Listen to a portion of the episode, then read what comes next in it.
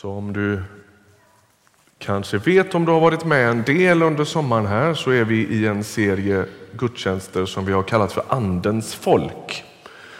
Om du är ny idag så är det lite som på riktigt bra tv-serier att varje avsnitt är fristående. Så är det. Så ta det försiktigt, det är ingen fara. Du kommer att hänga med ändå. Men vi har försökt att liksom ta ett litet grepp om en av Nya testamentets mest dramatiska texter, nämligen Apostlagärningarna. Som är berättelsen som tar vid precis där de fyra evangelierna slutar. Nya testamentet börjar med fyra berättelser om Jesus. Det är liksom parallella stories. Matteus, Markus, Lukas och Johannes skriver storyn om Jesus som kulminerar i att Jesus först dör, läggs i en grav och så uppstår han och så möter han en del av sina lärjungar och så sänder han ut dem. Där slutar storyn om Jesus i evangelierna och så tar apostlärningarna vid. Och så berättar den om hur den där sändningen gick till och vad som hände med de här först ganska timida, rädda, försiktiga, osäkra lärjungarna när de får fatt på hur vad Gud har tänkt med världen.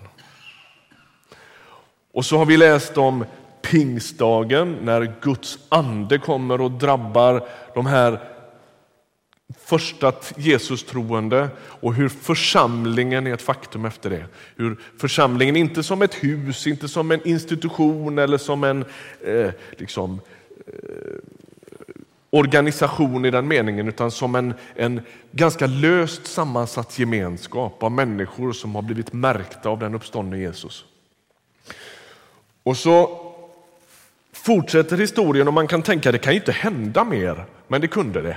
Och Hela tiden är det som att Gud är med och, och, och, och liksom pushar och pressar de första kristnas gränser när de tänker oj, nu har vi förstått hur det här fungerar, nu har vi förstått hur det här hänger ihop. Och så är det som att Gud överraskar dem med ett vidare perspektiv än vad de har haft.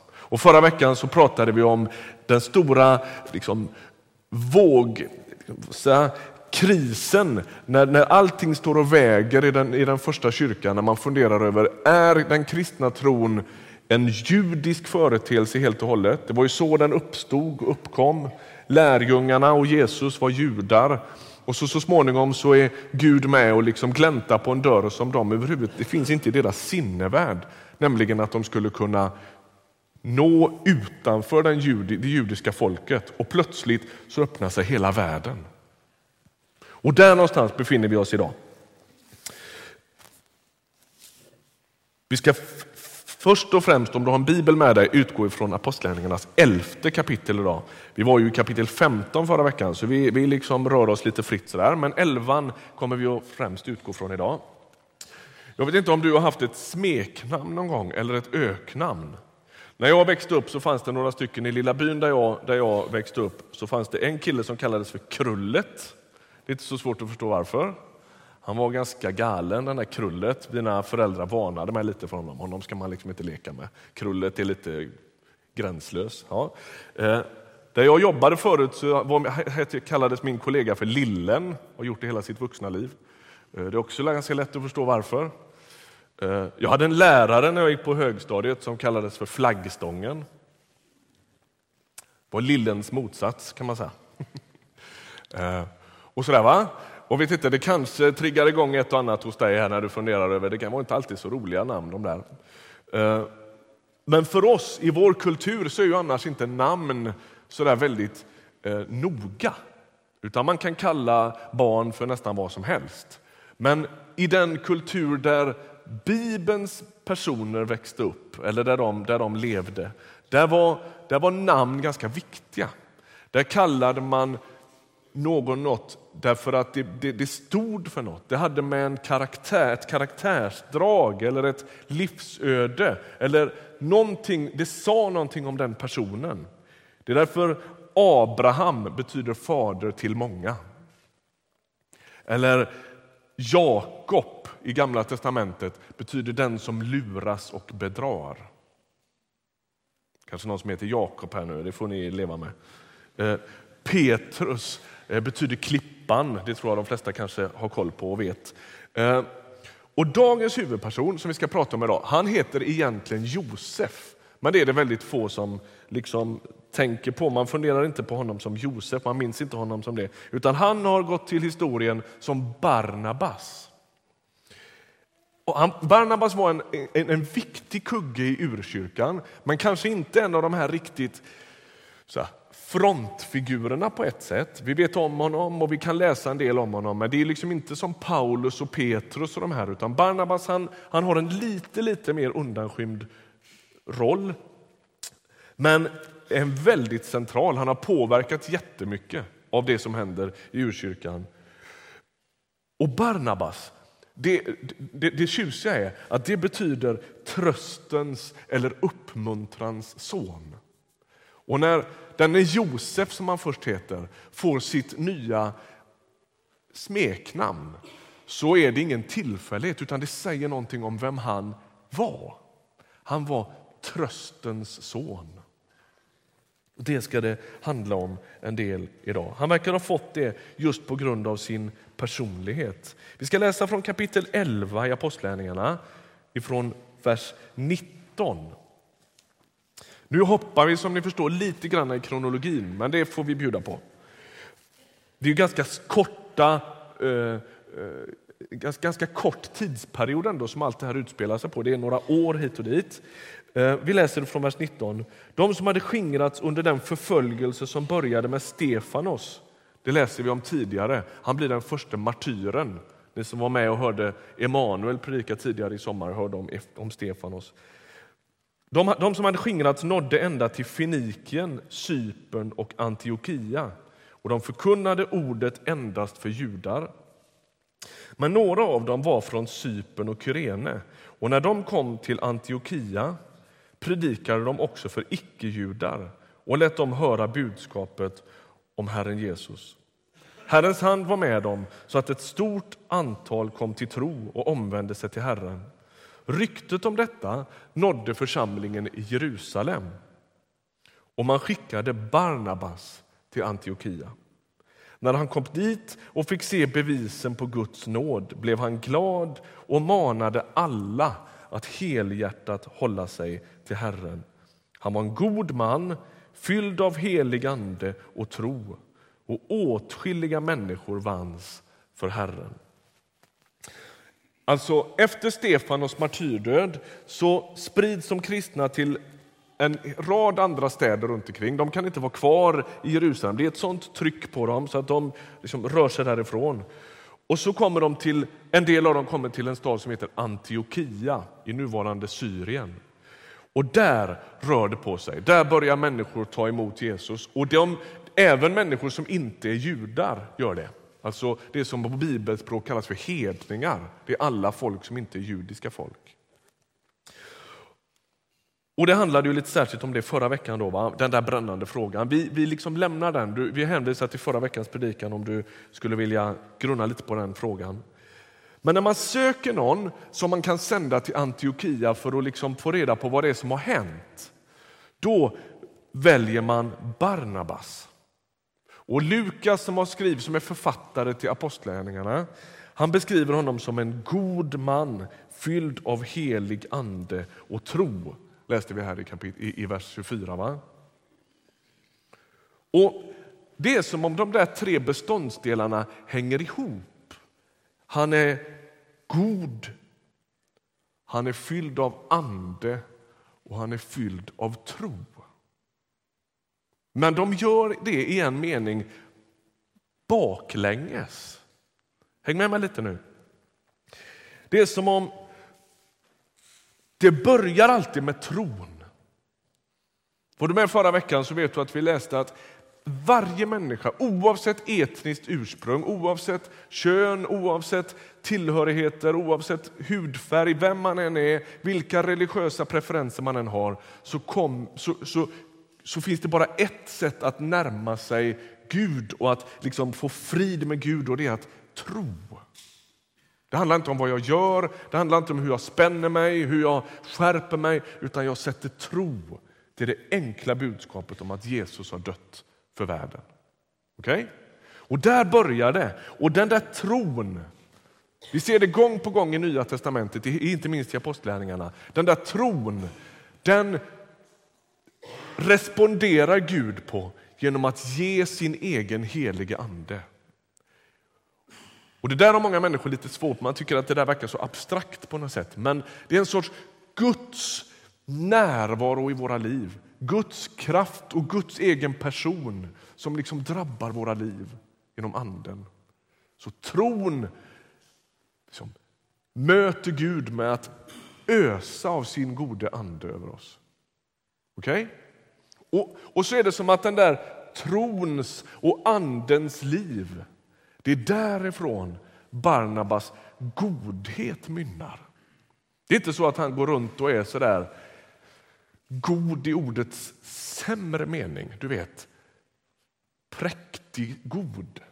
Utan det finns någonting hos Barnabas som är gott i ordets allra finaste mening. Och, och det där, det är fött ur hans erfarenhet av tro och ande. Och honom sänder man till Antiochia. Han står för något som de tror kommer att funka där. Något som kommer att hjälpa de troende i Antiochia. Och vad är det då de ser? Vad är det man ser hos Barnabas? Vi ska fundera lite grann över det. Låt oss backa lite grann. Första gången vi hör om Barnabas det är i kapitel 4 i Apostlärningarna. Det är, där som vi, det är därifrån vi vet att han egentligen heter Josef. Eh, om vi skulle läsa vers 36 och 37 i Apostlärningarna 4 så står det så här. Josef, en levit från Cypern som apostlarna kallade Barnabas, det vill säga tröstens son, sålde också han en åker han ägde och kom och la ner pengarna framför apostlarna. Om du är lite hemma med bibelläsning så, så vet du att kapitel 4 i Apostlagärningarna tillsammans med kapitel 2 beskriver den första församlingen i Jerusalem den allra, allra första tiden och hur de lever i en sorts egendomsgemenskap där de delar på allt. Och där det står att ingen betraktar något av det han ägde som sitt utan det finns en fantastiskt varm syskongemenskap där. Där de ber för varandra, de delar nattvard tillsammans, de har måltider i hemmen och de går till templet och de tillber och så, och så delar de på allt. Och Barnabas, som egentligen heter Josef, det är apostlarna som börjar kalla honom för Barnabas därför att det finns så mycket tröst hos honom. Han lägger ner pengarna inför apostlarna och säger jag ger det här till gemenskapen. Och därifrån får vi reda på hans smeknamn, tröstens son. När Paulus så småningom kommer till tro, Paulus heter egentligen Saul från början. Han är en militant, religiös galning får man säga. En fundamentalist som, som har bestämt sig för att utrota den kristna kyrkan därför att han ser den som ett hot mot sann judendom. Och han, det står att han andas av mordlust. Och så kommer Paulus till tro. Han blir kristen därför att han möter Jesus som bokstavligen slår honom till marken. Han blir blind av ljusskenet när han möter Jesus. Och så möter han Jesus och blir en, blir en lärjunge till den Jesus som han innan har varit så hatisk emot. Då är det då går det, ett rykte, liksom det går rykten om denne Paulus. Det är inte vem som helst. Honom är man rädd för. Eh, han är personifierar hela den förföljelse som finns mot, mot den kristna kyrkan.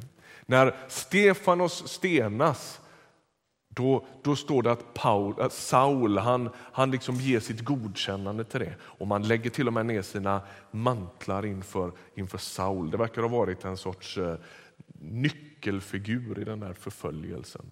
Och Så kommer han till tro på Jesus. Och Då uppstår ju problemet. Kan vi lita på den där Saul? Är han det han utger sig för att vara eller försöker han bara nästla sig in? Och det går en massa rykten om honom. Den som liksom tar honom under sina vingar och som bestämmer sig för att vi måste ge Paulus en chans, eller Saul som han kallade sig på den tiden. Vi måste ge honom en chans och vi måste lita på att det som hänt i hans liv har med Gud och Guds nåd att göra. Det är Barnabas som gör det. Barnabas söker upp honom och där andra ser en förföljare, där ser Barnabas något annat.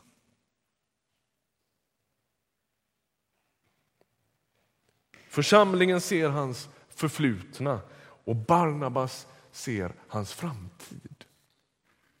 Församlingen som är rädda för honom och undrar vem han är, de ser vad han har varit. Barnabas ser vad han skulle kunna bli. Församlingen ser ett problem och Barnabas ser en fantastisk möjlighet. Och Det jag försöker komma fram till här, vi hoppade över den bilden innan, alltså det är som att Barnabas har ett särskilt hjärta för outsiders.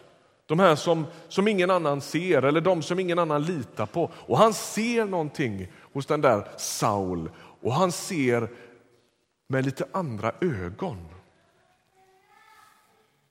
Hur har tron och anden fött den här sortens godhet hos Barnabas? Alltså det är inget sliskigt och sentimentalt, en sorts eh, liksom, allmänt smetig eh, kille som bara går runt och bekräftar alla, utan det är något annat. Han lever i närkontakt med sin egen erfarenhet av nåd. Det är det bästa sättet att vara en tröstare på. Det är det bästa sättet att se nåd i andra människors liv. Det är att leva i närkontakt med sin egen erfarenhet av nåd. Förstår ni vad jag menar när jag säger så? En sorts att inte tappa bort insikten om att jag är också förlåten. Jag är också benådad. Att inte glömma att Gud har dragit in oss i sin famn. Vi som också var outsiders förut. Gud har dragit in oss i sin famn. Och vi är med därför att Gud har visat sin nåd över oss. För att han har öst av sitt goda över oss. Därför får vi vara med. Och när Barnabas ser Saul så, så, så är det som att han, han har inte mist liksom, kontakten med den där insikten om att ah, men jag är också förlåten. Det är nog bäst att, att liksom ge den där Saul en chans. Låt oss fortsätta i kapitel 11 där vi var.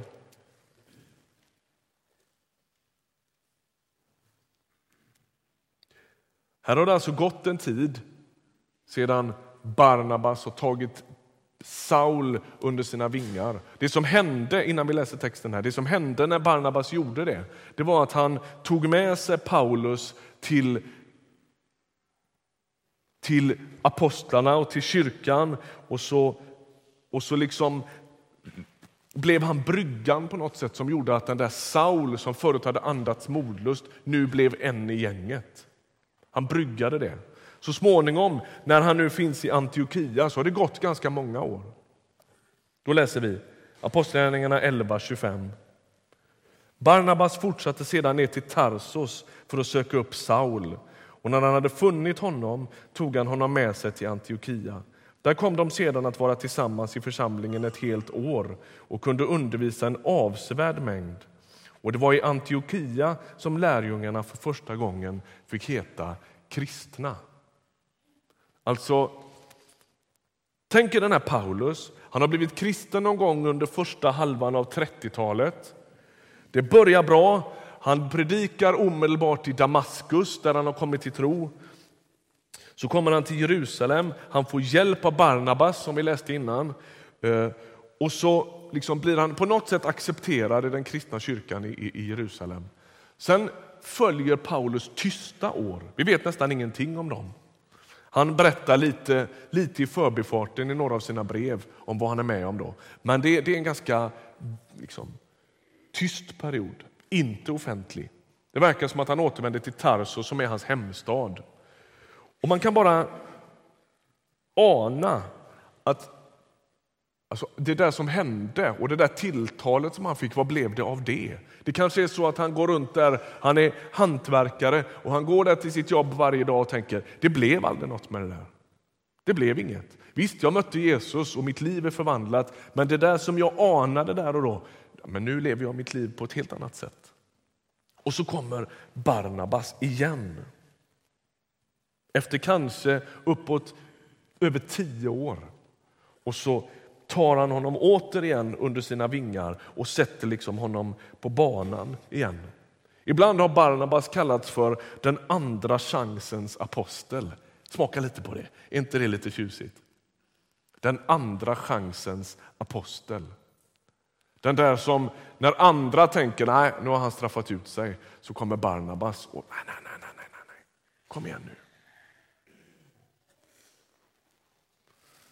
Gång på gång när han är nämnd så verkar han nämligen uppmuntra och det är som att han ser nåd.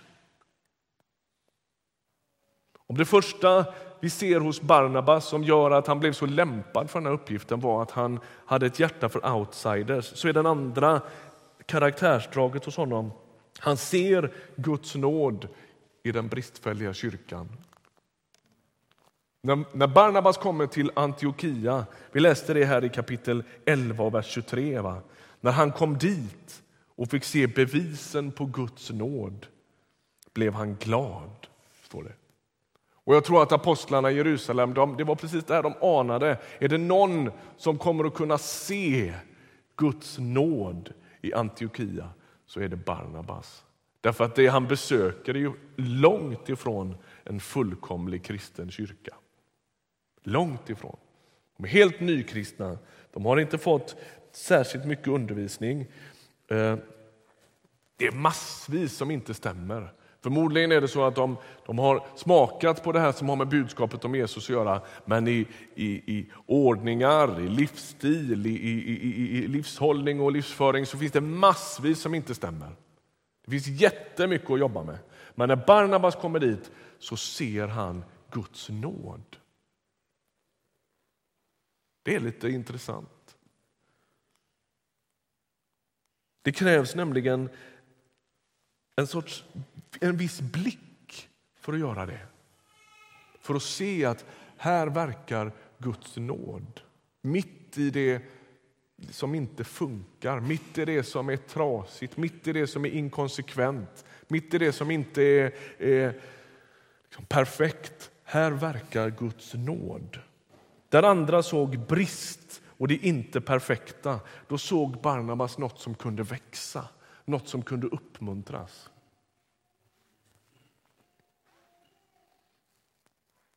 Alla kan inte det.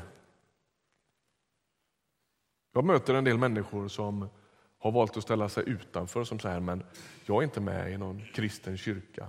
Inte för att de inte tycker att de platsar eller för att de har blivit liksom ledsna på något utan för att de inte tycker att kyrkan är tillräckligt bra. Har du mött dem? Jag har mött dem ibland. Som är desillusionerade, som har tappat tron på församlingen. Jag kan jag kan förstå det. Jag kan förstå det ibland. Men det, det, det, det är o, djupt olyckligt att det är så. Därför att receptet i den besvikelsen det är inte att gå sin väg för att hitta en bättre kyrka. Det är inte det. Utan receptet är att börja se med en annan blick. Det är att göra som Barnabas när han kommer till Antiochia. Att försöka leta efter bevisen på Guds nåd.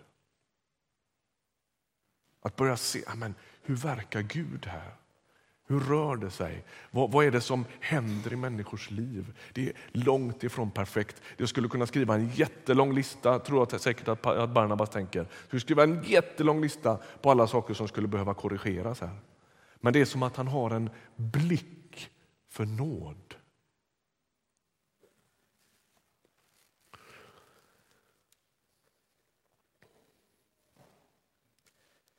Och för att ha det måste man orka leva med en spänning som alltid finns i tillvaron. Spänningen mellan hur det är och hur det borde vara. Har du tänkt på hur ofta den spänningen finns i bibeltexterna? När Jesus möter lärjungen Simon Petrus så säger han till honom i Matteus 16 är det väl, att du är Simon, det är hans gamla namn, hans gamla till, liksom, identitet. Men du ska bli Petrus, du ska bli klippan. Kanske du har liksom erfarit ett sånt tilltal över ditt eget liv också. Ja, visst, jag vet vad du är, men jag vet också vad du kan bli. Ser du? Det finns en sorts spänning. Ja, jag vet hur det är, men jag vet också hur det skulle kunna bli. Det handlar inte om ett självbedrägeri där man inte ser sanningen, utan det handlar om att se sanningen med nådens ögon.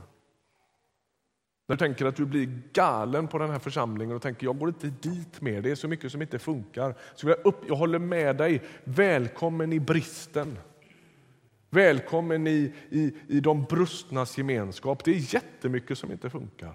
Vi skulle kunna börja med mig och skriva en lista som aldrig tar slut på grejer som inte funkar och som inte är som det ska. Välkommen i de brustnas gemenskap. Där vi, inte, vi, vi ägnar oss inte åt ett självbedrägeri och tror att allt är okej, okay, men vi ser på sanningen med nådens ögon. Är du med? Som Barnabas gör när han kommer till Antiochia. Ja visst, här finns en del att jobba med. Men jag ser också att Gud är där. Han rör vid människor mitt i bristen.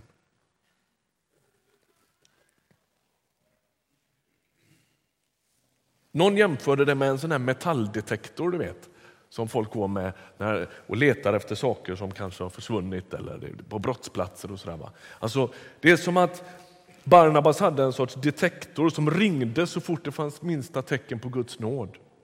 Barnabas levde på nådens frekvens. Han levde på nådens frekvens.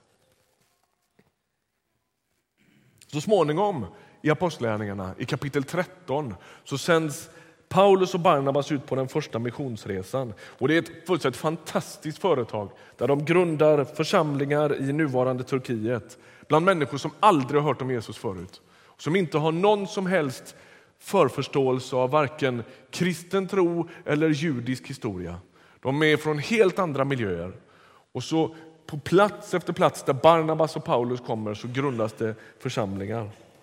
Så småningom, efter den första resan, så blir Paulus och Barnabas ovänner. Det är en ganska tragisk historia.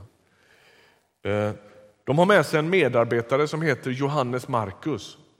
Och Johannes Markus han har svikit dem på deras första missionsresa. Mitt i alla umbär, man vet inte riktigt varför, men förmodligen kanske det är så enkelt som att han är ung. Han tycker att det blir lite svettigt, det var lite tuffare än han hade räknat med. Så han smiter hem.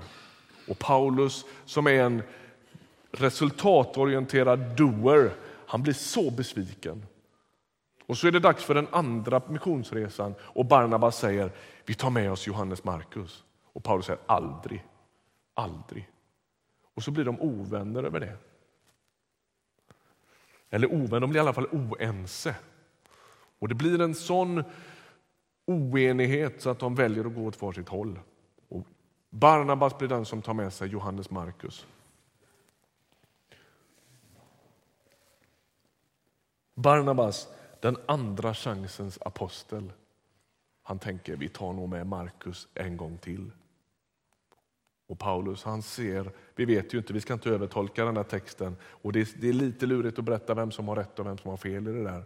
Men det är som att Barnabas, han är lite mildare mot Johannes Markus. Paulus ser en opolitlig spoling som längtar hem till mamma. Medan Barnabas ser vad han kan bli. Denne Johannes Markus, han författar så småningom Markus evangeliet. Så utan att döma Paulus för hårt kanske det är så att den andra chansens apostel såg någonting på nådens frekvens som andra inte såg. Okej, okay. ska vi försöka dra ihop det här lite nu? Hur ska vi applicera detta? Vad har detta med våra liv att göra? Hur har detta med vardagsliv i Linköping 2000 år senare att göra? Det första är, jag tänker att vi skulle behöva uppmuntra uppmuntrarna. Du som känner dig lite befryndad med Barnabas, hör vad jag säger, vi behöver dig. Vi behöver dig som ser på nådens, med nådens blick. Du som ser inte bara hur människor är, utan som ser något mer. Som inte bara liksom håller före allt det där som inte funkar eller att de inte sköter sig eller att de har gjort bort sig, att de har straffat ut sig, utan som ser något mer. Du ser vad människor kan bli och inte bara vad de har varit. Jag skulle vilja att du fattar mod och hjälper oss andra med de perspektiven. Hjälp oss att leva på nådens frekvens. Men sen kan vi också fundera över det här rent kollektivt, hur vi som gemenskap kan vara en sorts Barnabas gemenskap.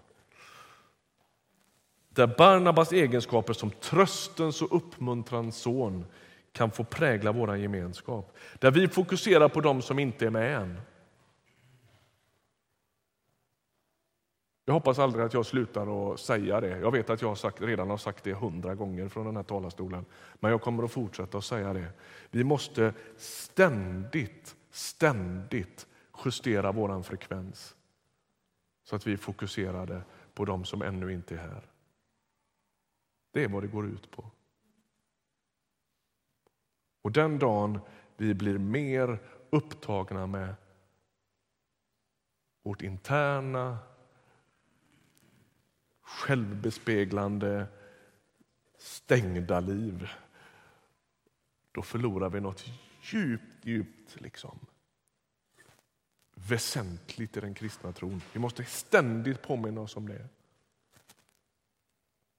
Där vi fokuserar på dem som inte är med än, där vi hellre friar än fäller. Där vi ger nya chanser och där vi ser vad Gud kan göra med en människa när nåden får fästa på.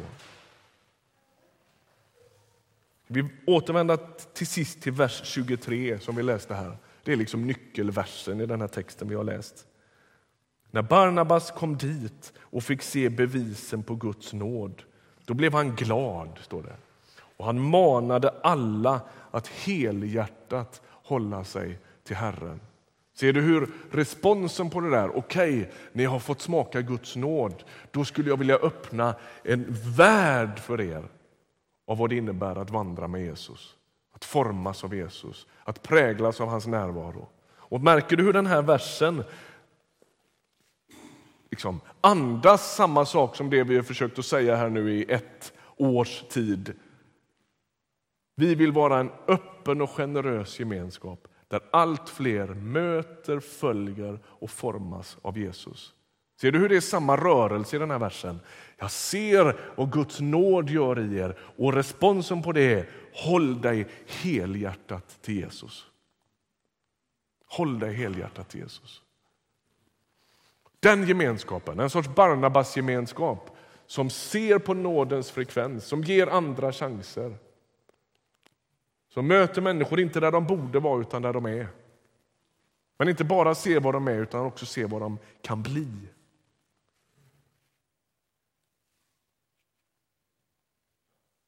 Där man inte behöver kvala in, där man kommer därför att man är så, så desperat beroende av nåd, förlåtelse och hjälp. Och där du och jag som har varit med i många år i en kyrkmiljö aldrig förlorar kontakten med den verkligheten. Om det inte vore för Guds nåd vore ingen av oss här.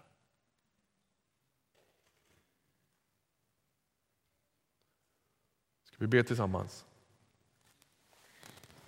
Herre, vi tackar dig för att du är Du är full av nåd. Du är full av sanning. Tack att den tröst och barmhärtighet och som vi smakar ifrån dig, den är inte sliskig, den är inte överslätande utan tack att den är så djupt, djupt befriande. Tack att den gör något med oss. Precis som den gjorde med Barnabas. Där vi i tro möter dig som ger av din heliga Ande och sakta men säkert börjar föda godhet i våra liv. Vi ber att få vara med om det. Vi ber att att du skulle vara med dem här inne som är typiska Barnabas-gestalter. Som ser med nådens ögon. Vi ber att du ska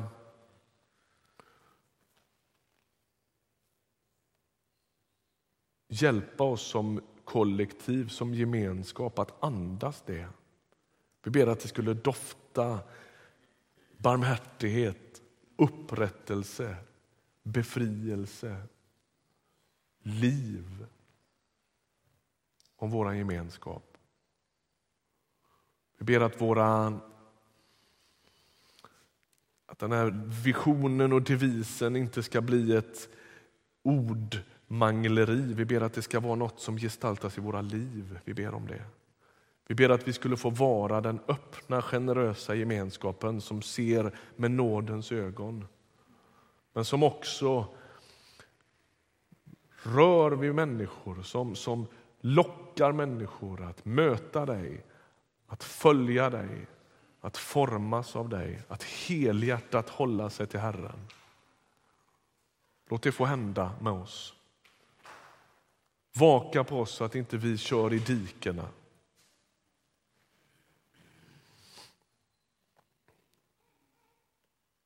Vi ber om det. Vi ber om det.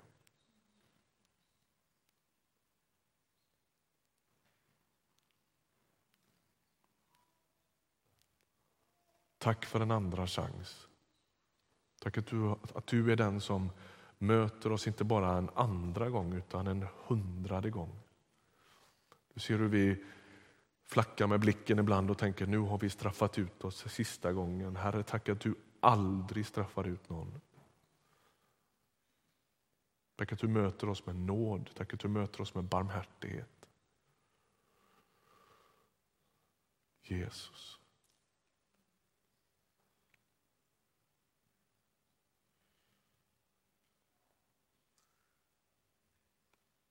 Jesus. Mm. Amen. Amen.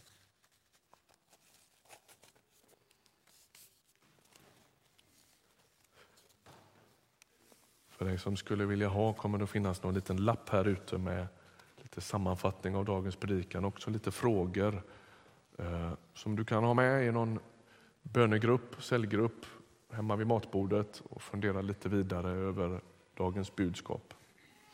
Jag skulle vilja göra så här. Låt oss, vi brukar göra så här i Ryttargårdskyrkan. Vi liksom fortsätter i bön och sång. Och du som känner ett behov av att på ett särskilt sätt be, uttrycka någonting. Det kan vara för egen del eller för någon som står i din närhet så finns våra böneplatser öppna. Vi har ett ljusträd här framme där du kan gå fram och tända ett ljus, vara i bön.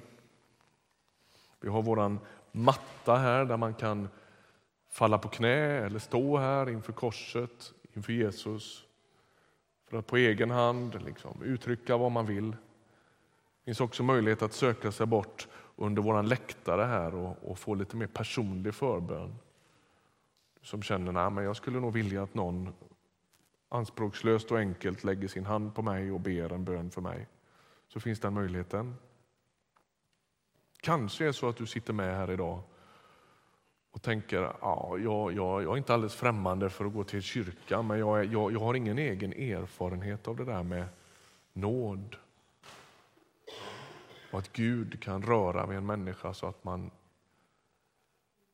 vet att man hör till honom. Sök dig fram till våra förebedjare under läktaren här så ber de en bön för dig. Eller du som känner, jag skulle vilja vara en sån där Barnabas-gestalt som ser och spe, som någonstans liksom söker på en lite annan frekvens med lite andra ögon. En sorts andra chansens kristen som möter människor med värme, och nåd och barmhärtighet som luktar Jesus där jag går fram. Sök dig fram här och liksom, säg det, be det. Vi sjunger någon sång och så öppnar vi våra böneplatser och du som vill, du söker dig fram här i bön för dig själv eller för någon annan.